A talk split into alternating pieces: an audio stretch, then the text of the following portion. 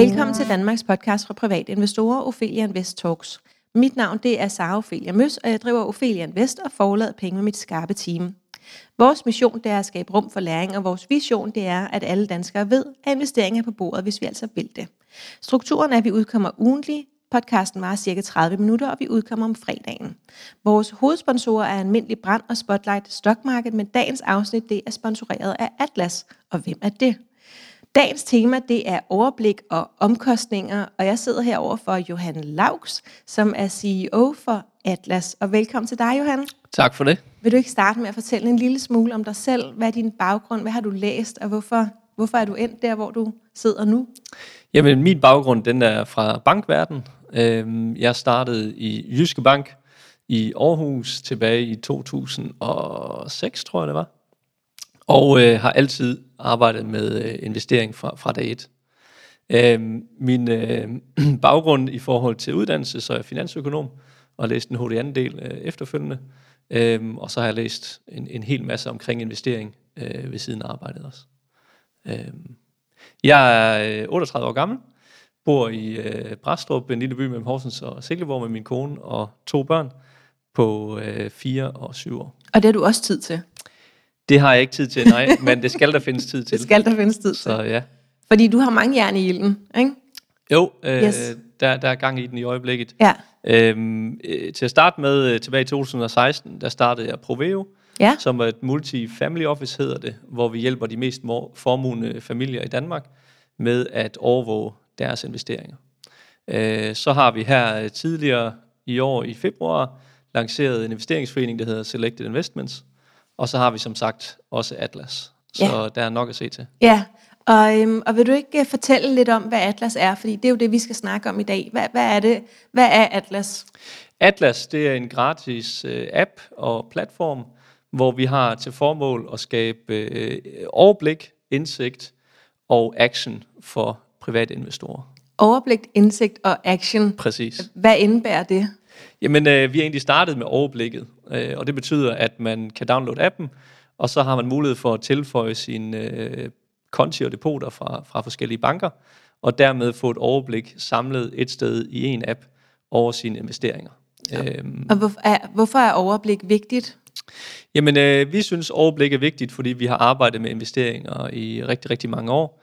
Øhm, og det viser sig, at rigtig mange investorer, de mangler det her overblik. Når man spørger dem, øh, hvad har du, hvorfor har du det, hvordan går det, øh, så er det et lav... ja, præcis. Så er man ikke helt sikker, og det er et lav interesseområde. Og det er det egentlig ikke, fordi det ikke er vigtigt for folk. Det er det, fordi det er rigtig svært at grave sig ned i det, og vide, hvor skal man se hen, hvad skal man lægge mærke til, osv. Ja. Og der forsøger vi at simplificere det lidt øh, i Atlas i øjeblikket med det her overblik Ja. et sted. Nu sagde du øh, vi. Hvem, hvem er det? Hvem er, hvem er I ud over dig? Jamen øh, i Atlas øh, og i, i Proveo i det hele taget, der er vi øh, cirka 30 ansatte, øh, hvor vi har egentlig to kategorier. Den ene er med en dyb investeringsbaggrund, øh, og den anden er med en IT-baggrund, fordi vi bygger den her platform, og vi bygger det hele selv. Ja. Øh, så det er en, en god blanding af IT og investeringsfaglig Ja. erfaring. Og formentlig noget administrativt og salgspersonale også. Det har vi selvfølgelig også Ja. noget af, ja. Ja. Øh, det er rigtigt. Yes. Øhm, og, og hvis vi tilbage til det der med overblikket. Øh, jeg kan huske, da jeg, jeg startede min, min, mit første depot, det havde jeg hos Nordnet. Øh, og så tror jeg faktisk, jeg lavede to depoter hos Nordnet. Så begyndte jeg at investere øh, ret meget i amerikanske øh, tech-aktier. Det var det, der sådan først fangede min interesse. Øh, og så opdagede jeg, at det lå jeg at betale lidt meget for i kortage, der hvor jeg var. Så hoppede jeg over på Deshio, øh, den hollandske platform, ja. og oprettede et depot der.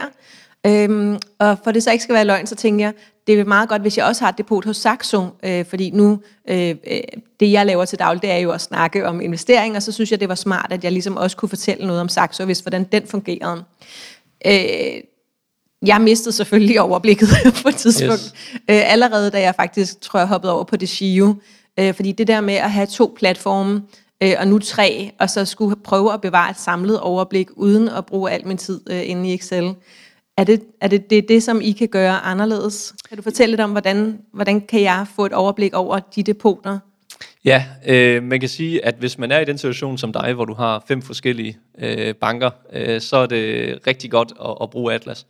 Men også hvis man er i en bank, øh, så er der rigtig mange øh, investorer, som har nogle frie midler, de har investeret, de har noget øh, pension, enten øh, rate eller øh, øh, livrente eller, eller andet, øh, og så har de måske også et, et selskab med, med nogle investeringer i. Og allerede der, så begynder overblikket at være vigtigt. Ikke? Ja, de fleste, øh, som jeg har forstået det, øh, nu, nu jeg snakker jo med mange øh, helt almindelige mennesker, ligesom øh, jeg selv, øh, og det med pensionen, øh, det er der rigtig mange os, som ikke tager ind som en del af vores investerede midler. Det er ligesom pensionen, som bor ude på en sky i horisonten, som vi har sådan ret afkoblet forhold til for mange af os. Jeg er helt sikker på, at der sidder nogen og lytter med nu, der tænker, jeg ved præcis alt om min pension, men, men i forhold til dem, som måske ikke tænker den som en del af, øh, burde vi det? Ja, nummer et, du har fuldstændig ret.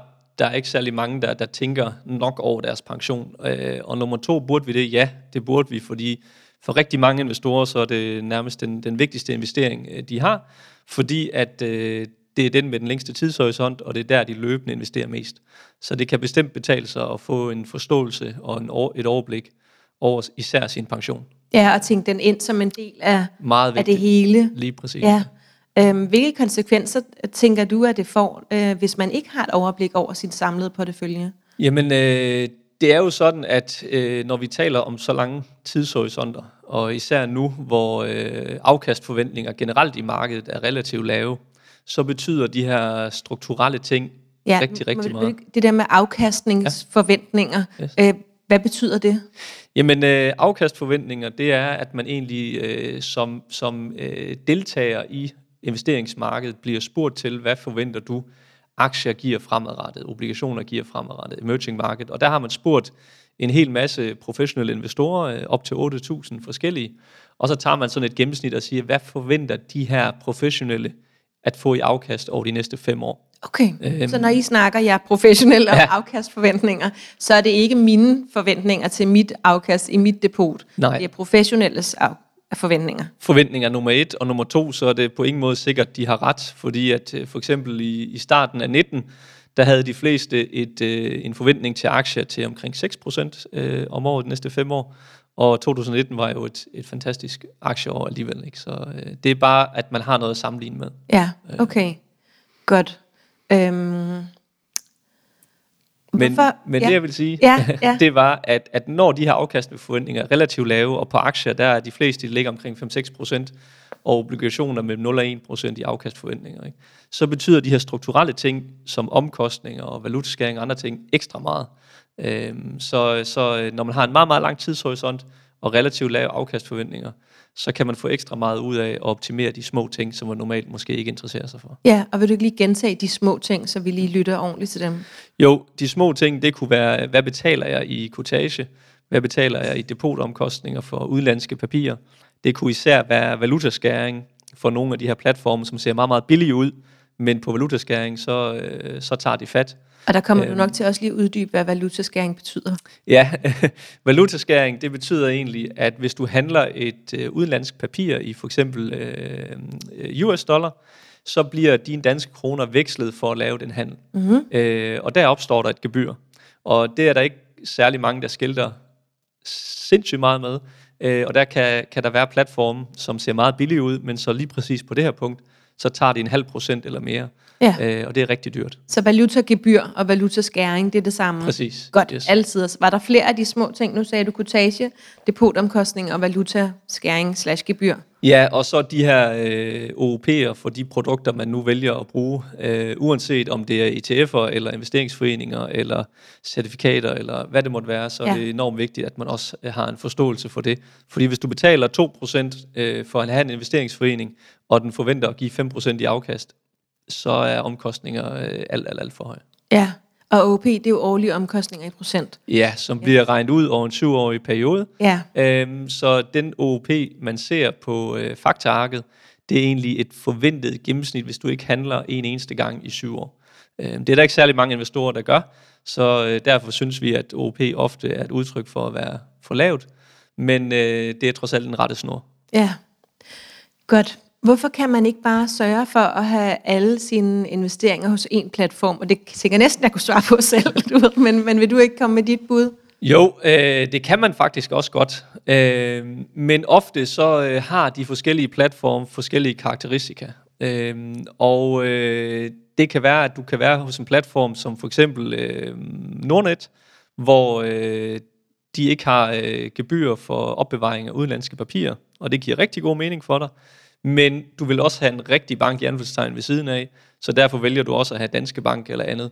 Så øh, man kan godt have en platform, men som oftest har man to eller tre, øh, fordi de er forskellige, og de har forskellige tilbud.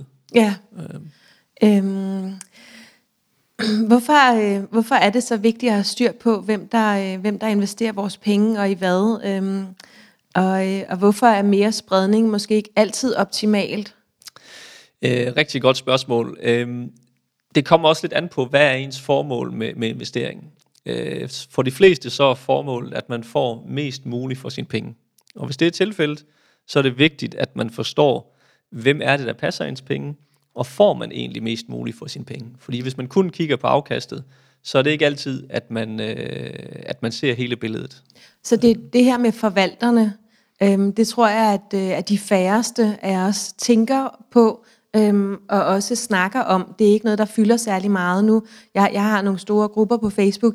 Det med forvaltningen, altså hvem den specifikke forvalter er, det betyder utrolig lidt. Altså OP, de her årlige omkostninger i procent, det er noget, der bliver snakket om. Den skal ligge på det og det, og så er det øh, inden for rammen. Ja. Men, men hvad betyder forvalterne? Fordi jeg tænker, det er jo noget, som, som du ved en masse om, og også har siddet og arbejdet rigtig meget med, når I overvåger forvaltere. Ja. Kan du ikke prøve at fortælle en lille smule om det? Det, det er sådan et helt øh, sort univers, tror jeg, for mange af os. Ja, og, og øh, jeg forstår det faktisk godt, at det er et sort univers, fordi omkostninger, det kan man forholde sig til. Det er noget, man betaler, og det, det kan man forstå. Øh, det her med forvalter og hvem man egentlig skal vælge, det er der, hvor vi synes, at man kan skabe ekstremt meget værdi øh, for sin egen portefølje. Ikke? Og når øh, vi prøver at kigge på forvaltere, og man, hvis man skulle simplificere det en lille smule, øh, så kigger vi på de fire P'er, hvor vi kigger på øh, personer, øh, processen, porteføljen og performance. Øh, og performance er faktisk den, der kommer sidst, og den fylder mindst, når vi skal vurdere en forvalter. Øh, fordi performance det er altid historisk, og fordi at der er nogen, der har gjort det godt i fem år, så siger det ingenting om, øh, om de er dygtige, og om de gør det godt fremadrettet. Og mange private investorer, de løber efter den her performance og omkostninger. Ikke? Øh. Men igen, det er måske det, vi kan forholde os til, fordi nu siger du personen. Mm. Vi ved jo ikke noget om personen. Nej, lige præcis. Og man skal lave en, en lille bitte smule øh, benarbejde. Ikke? Hvis jeg skal give et eksempel, ja, endelig. Øh, så kan man sige, at øh, hvis du for eksempel, øh, så kigger vi på et tidspunkt på en, øh, en forvalter, som øh, sagde, at de passede globale aktier. Øhm, Passede? Ja, de forvaltede, undskyld, yes. øh, globale aktier. Og øh, det var et øh, meget lille team af to mand, øh, uden anden organisation overhovedet, øh, som, som sagde, at de ville gøre det. Ikke? Øh, og så kiggede vi på, hvad har de gjort? Hvis de nu har passet globale aktier i 25 år for store teams, så er det positivt. Hvis de aldrig har gjort det før, så er det måske ikke så, øh, så godt så kigger vi på processen og spurgte dem, hvad er jeres proces for at udvælge de her globale aktier? Ikke? Øhm, og der sagde de, at de læste nyheder og, og, og kiggede på nogle ting og prøvede at følge med i markedet. Ikke? Det er ikke en proces. Nej. Øh, det er ikke noget, man kan, man kan... Hvad vil en proces være? En proces, det vil være, at man for eksempel sagde, at det her det er vores stil, det er den måde, vi segmenterer markedet på, og, og reducere antallet af selskaber via nogle regler.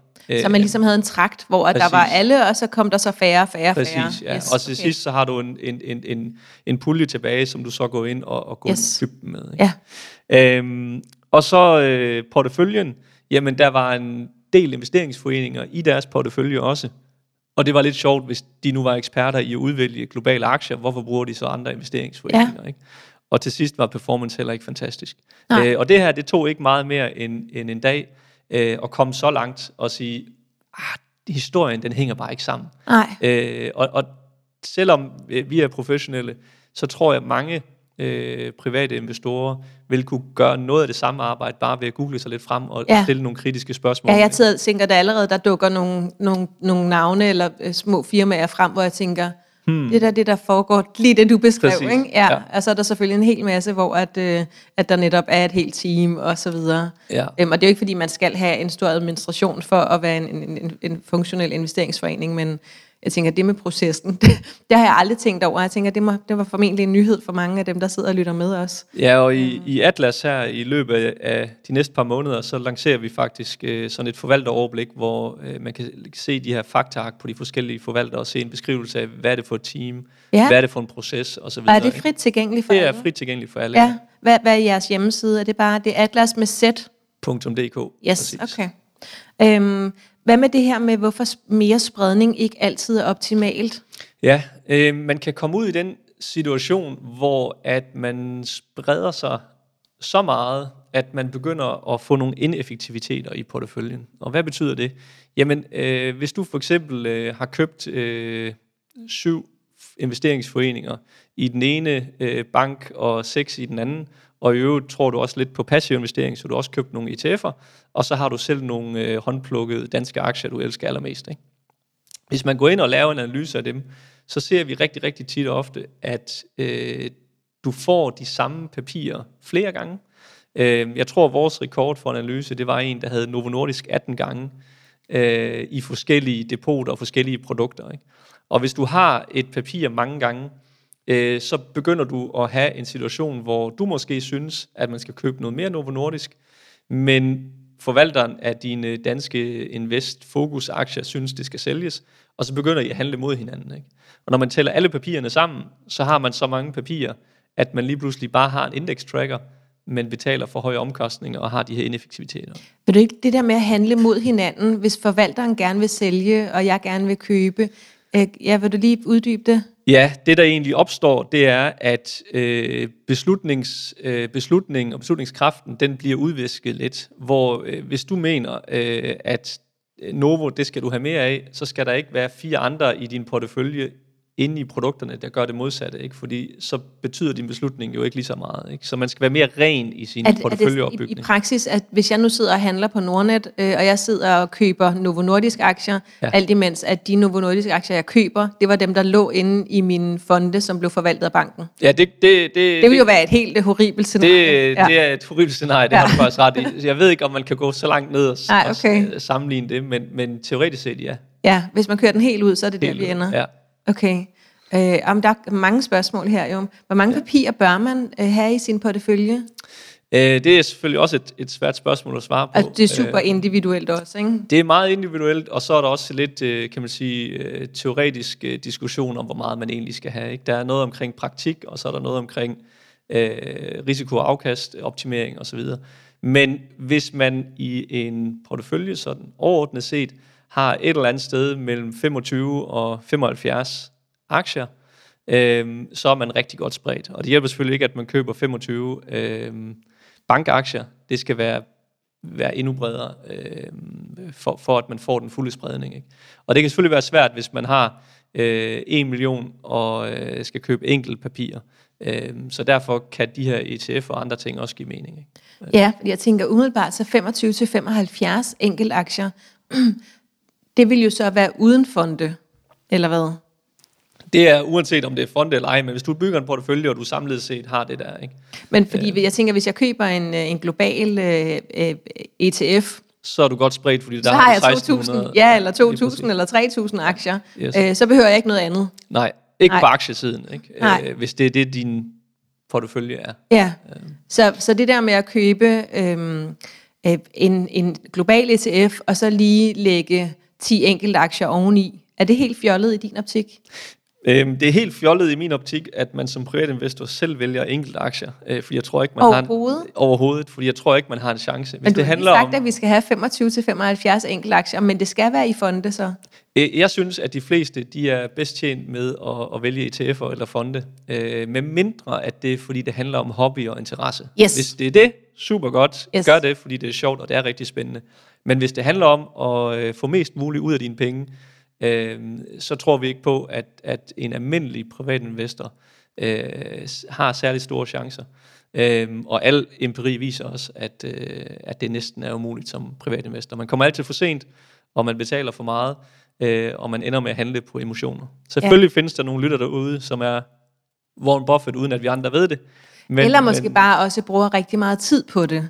Øh, og det er klart, at hvis du, hvis du sidder seks timer hver aften, øh, så, så bør du alt andet lige klare dig bedre end øh, Tante Olga, som måske bare har Vestas og Novo Nordisk ligesom gennemsnittet. Det, det burde man tro, men, men, men, men dem, man, man kæmper imod, øh, de bruger ikke kun 6 timer om aftenen. Øh, de bruger 24-7 med, med et stort team bagved, og med indsigt og forståelse og analyser, som man ikke kommer i nærheden af.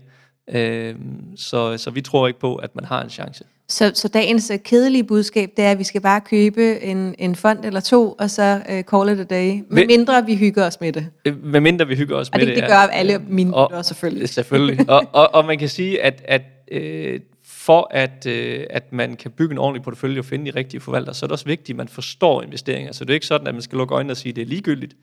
Men man skal bare helst ikke ind der, hvor man øh, tager sin pension og sin livsopsparing og begynde at være forvalter selv på 10 aktier. Det, det vil være fuldstændig vanvittigt. Kan du, øh, det der med at finde den rigtige forvalter, øh, var, var øh, konklusionen, at vi skal bare vente til I begynder at dele lidt op på jeres hjemmeside? Nej, det ved jeg ikke. Jeg, jeg synes godt, man kan, øh, man kan give nogle, nogle, øh, nogle, nogle øh, tommelfingerregler, ja. øh, hvad man skal kigge efter. Ja. Øh, det, det, man skal kigge efter, det er nogen, der har en proces, som er øh, som, som man kan forstå øh, som privatinvestor. Man skal forstå det, man investerer i. Ja. Øh, de skal helst beskrive den på en eller anden måde. Hvad er det, vi gør? Ja. Ikke? Øh, nummer to, omkostninger, de må simpelthen ikke være for høje. Hvis man, hvad for høje? Ja, det er, det er rigtig svært, fordi hvis de er dygtige, øh, så, så kan det godt være det værd. Men, jeg har jo en fond, som jeg betaler 4% i OP for, og det er jo rigtig, rigtig højt. Men de skulle også være nogle af de allerdygtigste i Danmark. Ja, men det er ligeglad med, hvor dygtige de er. De er kan rigtigt? ikke være det værd nogensinde. Øh, det, det, det kan jeg simpelthen ikke se. Okay. Øh, hvis man kommer på den anden side af 2%, så betaler man simpelthen for meget.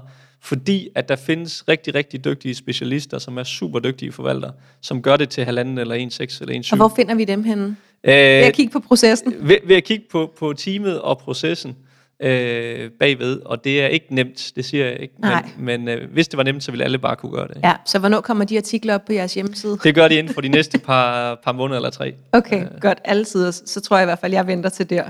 øh, hvilken rolle øh, spiller omkostninger, hvis man har en portefølje, der består af for mange forskellige investeringsforeninger og papirer? Kan du sige lidt om det, fordi jeg tror, det er tilfældet for rigtig mange af os. Ja, det er det, og det ser vi også. Og øh, vi, vi tror på, at man skal simplificere sin portefølje, og at man skal forstå sine omkostninger. Og samlet set, så mener vi, at man skal holde en omkostningsprocent, inklusiv alt, under 1.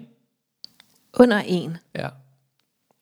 Og det kan man godt. Der røg mange. Der røg rigtig mange. Der røg rigtig mange, ja. Godt Men igen, øh, selvom jeg gentager mig, hvis, hvis det er sådan, at du har en portefølje med halvdelen i obligationer og halvdelen i aktier, og du har et forventet afkast på 4%, så hjælper det ikke noget, at du betaler to i omkostninger så betaler du halvdelen af din øh, forventede afkast i omkostninger. Ikke? Og det, er, det er jo stadig mere, end hvis de bare stod i banken til 0%. Det er rigtigt, men det er jo ikke alternativet. Øh, fordi at, at du kan, som du selv ved, øh, tage en ETF-portefølje, og du kan også finde de her lidt øh, billigere og dygtigere forvaltere. Ikke? Hvor at jeg kan få et forventet afkast på de 6%, som de professionelle forventede, til en OP på 0,07 procent? Ja, helt så billig er en ETF-portefølje ah. ikke, hvis, hvis, Ej, man, ikke, hvis man skal have mange forskellige. Hvis man skal have nogle forskellige obligationer ja. og nogle ting og sager, og du, hvis du regner øh, valutaskæring ind Men også. under Men jo, 1%. under 1 procent helt sikkert, ja. og meget billigere end de 2 øh, ja. procent. Ikke? godt. Og det er jo så det, der lyder lidt kedeligt, og måske ikke er for for alle. for mig og for alle. øhm, hvad tænker du, man øh, som investor kan få ud af at sammenligne sig selv med andre investorer? Jamen, øh, jeg tror, øh, og, og, jeg, og jeg tænker, at det du spørger efter, det er, at i Atlas, der har vi en funktion, hvor du kan øh, sammenligne dig med andre investorer, og du kan sammenligne dig i forhold til din øh, alder, og i forhold til din risikoprofil. Og alder så, også? Alder også, ja. Øh, og så kan du også sammenligne dig med alle øh, de 4.000 øh, øh, brugere, vi har på Atlas lige nu. Ja. Og vores idé med det, det var sådan set, at man får den her, det her pejlemærke, den her forståelse, ikke? og det skal helst animere en til, øh, enten at undre sig over, hvorfor man er så meget dårligere end alle andre, eller undre sig over, hvorfor jeg er så meget bedre end gennemsnittet af Atlas-brugerne. Ikke? Ja. Øhm, og man kan sige, at grund til, at vi har taget de andre brugere, det er sådan set, fordi hvis man sammenligner sig selv med, med nogle indeks og så videre, så kan det også være fint, men det er måske ikke så, øh, det er ikke så øh, relaterbart for mennesker. Ikke? Hvorimod, okay, alle andre i min aldersgruppe fra 40 til 50, Øh, de klarer sig sådan her, jeg klarer mig sådan her. Hey, hvad sker der? Ikke? Ja. Øh, så det er egentlig sådan lidt mere en, en, øh, en gimmick end, end noget andet. Ja. Øhm, Jeg, jeg ved jo, at min øh, Uberkloge Stefar, som også har skrevet vores bog, Den lille guide til fundamental analyse, øh, at han er derinde, så jeg tænker allerede, at jeg ikke skal ind og samle med nogen. Øh, men det er selvfølgelig det. Man kan altid få nogle tips. Øhm, yes. Ja, okay. Øhm, bæredygtighed, det er blevet et, et rigtig vigtigt parameter for mange investorer. Øhm, hvordan kan man måle sine investeringers bæredygtighed? Det fylder rigtig meget øh, i, i vores grupper på Facebook, nemlig øhm, nærmest hver dag er der, er der nogen, der skriver noget relateret til bæredygtighed. Ja, og med, med far for, at øh, jeg træder nogle tæerne, så oplever vi egentlig, at det er noget, der fylder mere herover i, øh, i København, Ja. øh, end, end det måske gør i Jylland. Ja, men det kan Johan, være, du var jo fra Jylland. vi ja. er fra Jylland, ja, Ja. Øh, men det kan være, at jeg tager fejl der. Men det er sådan vores øh, øh, uvidenskabelige oplevelse. Ja. Øhm, Men det gør vel ikke hverken fra eller til? Slet ikke. Slet Nej. Ikke. Øhm, jamen, øh, hvad kan man gøre? I, I Atlas, der har vi øh, åbnet op for, at man kan få en, en, en gratis øh, analyse øh, af sin øh, porteføljes bæredygtighedsprofil. Øhm, og der har vi øh, et samarbejde med Sustainalytics, hvor vi henter data fra dem. Og så klassificerer vi alle papirer, alle produkter i ens portefølje for at give det her overblik. Og der sammenligner vi egentlig med MSCI World, som er verdensindekset, for ligesom at sige, at men hele verdens aktiemarked er så grønt, hvor ligger du henne i din portefølje? Og så går vi lidt dybere og klassificerer øh, de enkelte produkter, man har, til ligesom at forstå, øh, hvor grønne eller røde øh, er de. Øh, sådan igen, at man får det her overblik, den her indsigt. Ikke? Kan du sige en lille smule mere om ja, den screeningsproces, der sker? Ja. Øh, altså, får jeg at vide, om der er våben, øh, børnearbejde, Ja, øh, alkohol osv.? Ja, det gør du. Øhm, du får blandt andet øh, våben og børnearbejde, CO2-udslip, øhm, øh, atomkraft. Jamen, det er nogle af de store der, ja. Præcis. Øh, det får du at vide. Øh, hvad, hvad ligger der i de enkelte produkter og de enkelte, de enkelte selskaber, sådan at man har det der papir til at, at kigge på og sige, hov, de her tre investeringsforeninger, dem skal jeg have kigget på, fordi Ja. ja. de er altså... De skal skiftes ud De skal skiftes Ja. ud. Ikke? Og så kan man jo tage det papir og, og tage fat i sin bank og så sige, hvorfor er den så rød? Ja. Øh, hvad skal vi gøre her? Ikke? Ja. Eller selv begynde at lave det research. Ikke? Ja. Øh, Spændende. Hvi- Hvis man gerne vil det, hvad, hvad gør man så? så går man ind i Atlas, tilføjer sine depoter, trykker på ESG-analyse, og så går der en 2-3 minutter, så har man den gratis i indbakken. Okay, det var meget nemt. Ja. Jeg skal lige sige, at, at jeg har, er jo ikke nødvendigvis hverken for eller imod bæredygtighed på det. Jeg, jeg tænker, det er, der skal være plads til, at man kan investere lige præcis, som man har lyst til. Men jeg ved, det fylder rigtig meget for rigtig mange. Ja, og det, det der så, øh, hvis jeg skulle... Øh, hvis jeg skulle lige lave en lille anmærkning, det der så også er udfordringen med ESG, og det er vi heller ikke selv fri for, det er jo, hvad er egentlig bæredygtighed, og hvordan klassificerer man de enkelte selskaber, ja. og, og der har vi så valgt en af de største udbydere øh, på markedet, øh, men jeg er helt sikker på, over de næste 3, 4, 5 år, så, øh, så kommer der en hel masse kampe Ja. om, hvad er egentlig bæredygtighed, hvad Ja. er ikke, og hvor grønt er tingene Ja. og så videre. Så det skal man lige have en mente. Helt sikkert. Det, det er ikke et svar med to streger under. Nej, men, men det er jo en start, øh, tænker jeg, for mange, særligt det med børnearbejde og, øh, og CO2-udslip og så videre. Ikke? Så hvis Præcis. man kan starte der, så er man jo i gang. Ikke? Ja. Øhm, øh, hvorfor er det vigtigt for, for jer at pointere, at I ikke har forbindelse til bankerne? Jamen, øh, det der egentlig er vigtigt for os, det er, at øh, man på vores platform, der kan man få en øh, uafhængig og uvildig øh, øh, analyse og øh, øh, information, og at det ikke er fordi, at, at vi vil øh, sælge nogens produkter eller anbefale nogen over for andre. For det gør I slet ikke. Øh, det gør vi ikke, nej. Vi, vi øh, åbner platformen op, øh, og den kommer også til at udvikle sig her over det næste halve års tid, hvor det bliver muligt for øh, banker og forvaltere at komme med indhold, sådan at øh, vores øh, brugere øh, kan få endnu mere forståelse. Men vi har ikke selv nogle produkter, vi udbyder. Vi vil bare gerne skabe den her platform. Ikke? Og meget af det sker automatisk, tænker jeg, hvis der, der, er ikke, der kan ikke være mange, der kan nå at sidde og analysere en hel portefølje på tre minutter og sende en retur til Det, øh, det, det fungerer automatisk Ja. heldigvis. Øh, Vi har øh, indtil videre lavet flere tusind øh, omkostningsanalyser og stresstest og ESG-analyser, som man også kan få på platformen. Øh, og det fungerer fuldt automatisk. Der er lige en, der skal sidde og lige tjekke og trykke på en knap, derfor tager det lige nogle minutter. Ja. Men Kan, øh, kan, du, øh, kan, du, kan du sådan her, vi, nu har vi lige et par minutter tilbage, kan du lige fortælle helt kort, øhm, jeg ved, at man kunne sidde og tænke, øhm, hvis man nu downloader jeres app, og så mm. siger du, øh, jeg skal give jer adgang til mine depoter, Kan du sige lidt om den proces, og hvorfor at det ikke er farligt? Yes. Øhm, du har fuldstændig ret. Det er det, folk de tænker rigtig meget over. Cirka 40% af dem, der downloader appen og opretter sig, de putter ikke et depot på, fordi de vil ikke øh, tilknytte et depot. Øh, det, der er vigtigt for mig at sige, det er, at det hele er fuldstændig krypteret. Den højeste sikkerhedsstandard, som, som Microsoft øh, kan tilbyde. Øh, vi kan ikke se øh, kundernes data, øh, fordi det hele er krypteret og det er en ren kiggeadgang, ligesom man har i, øh, via sin mobilbank. Ikke? Så sikkerheden er selvfølgelig øh, i top, øh, det, det giver sig selv. Øhm. Jamen det, jeg tror, det, det, det giver ikke nødvendigvis sig selv for os, øh, du ved, almindelige mennesker, som sidder øh, med det i hånden og tænker sådan, wow, det lyder voldsomt, ikke? Jamen det har du fuldstændig ja. ret i, øh, og, og det er også det, vi kan se, at, at vi vil ønske, der var, der var flere end 60 procent, der, der tilføjer et depot, øh, og vi håber over tid, når, når folk kan se, at, at det her faktisk virker, og vi har så mange øh, tusind brugere på, som ja. vi har, og næsten 10 milliarder på platform, ja. at så, øh, så vil tilliden vokse lidt. Ikke? Ja. Men, men, men det tager lidt tid. Øh, men det, det er i hvert fald... Øh, men det er krypteret det hele? Det er fuldstændig krypteret, ja. og vi kan ikke se noget. Og I kan ikke øh, gøre noget? Og vi kan ikke gøre noget. Vi kan ikke tage alle vores penge? Vi kan ikke tage vores penge, oh. vi kan ikke handle, vi kan ingenting. Nej. Vi har en ren kiggeadgang, ja. øh, eller platform har, ja. og alt det sker automatisk. Ja, okay, super. Øhm, To korte spørgsmål her. Er Atlas også relevant, hvis man udelukkende investerer passivt? Ja, det synes jeg. Øh, fordi at som sagt, så kan du lave en, øh, en, en, en stresstest øh, af din portefølje, uanset om det er en aktiv eller passiv portefølje. Øh, så det vil sige, en stresstest? Du, en stresstest, ja. Så det vil sige, at du kan få det her overblik af din portefølje, så kan du trykke på en knap, og så får du en omkostningsanalyse, plus en analyse af, hvordan ville din portefølje have opført sig i 2008 øh, som yes, for os det vil det her, vi gerne se. Lige præcis, ja. som er sådan et stressscenarie øh, for os. Og, og det kan være, at når vi kommer på den anden ja, side af corona, at vi så laver det om til, at det også indeholder corona Er det klart? Ikke? Ja. Øh, men, men der kan vi i hvert fald se, at der er mange, der skriver tilbage, kan det nu virkelig passe? Kan jeg virkelig tabe så mange penge? ja.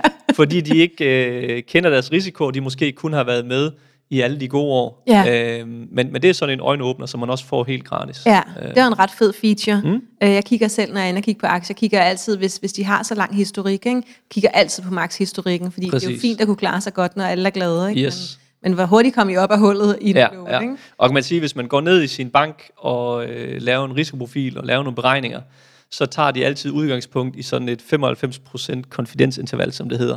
Det vil sige, øh, hvordan, hvad er det værste, der ville være sket, øh, ind med en sandsynlighed på 95 procent.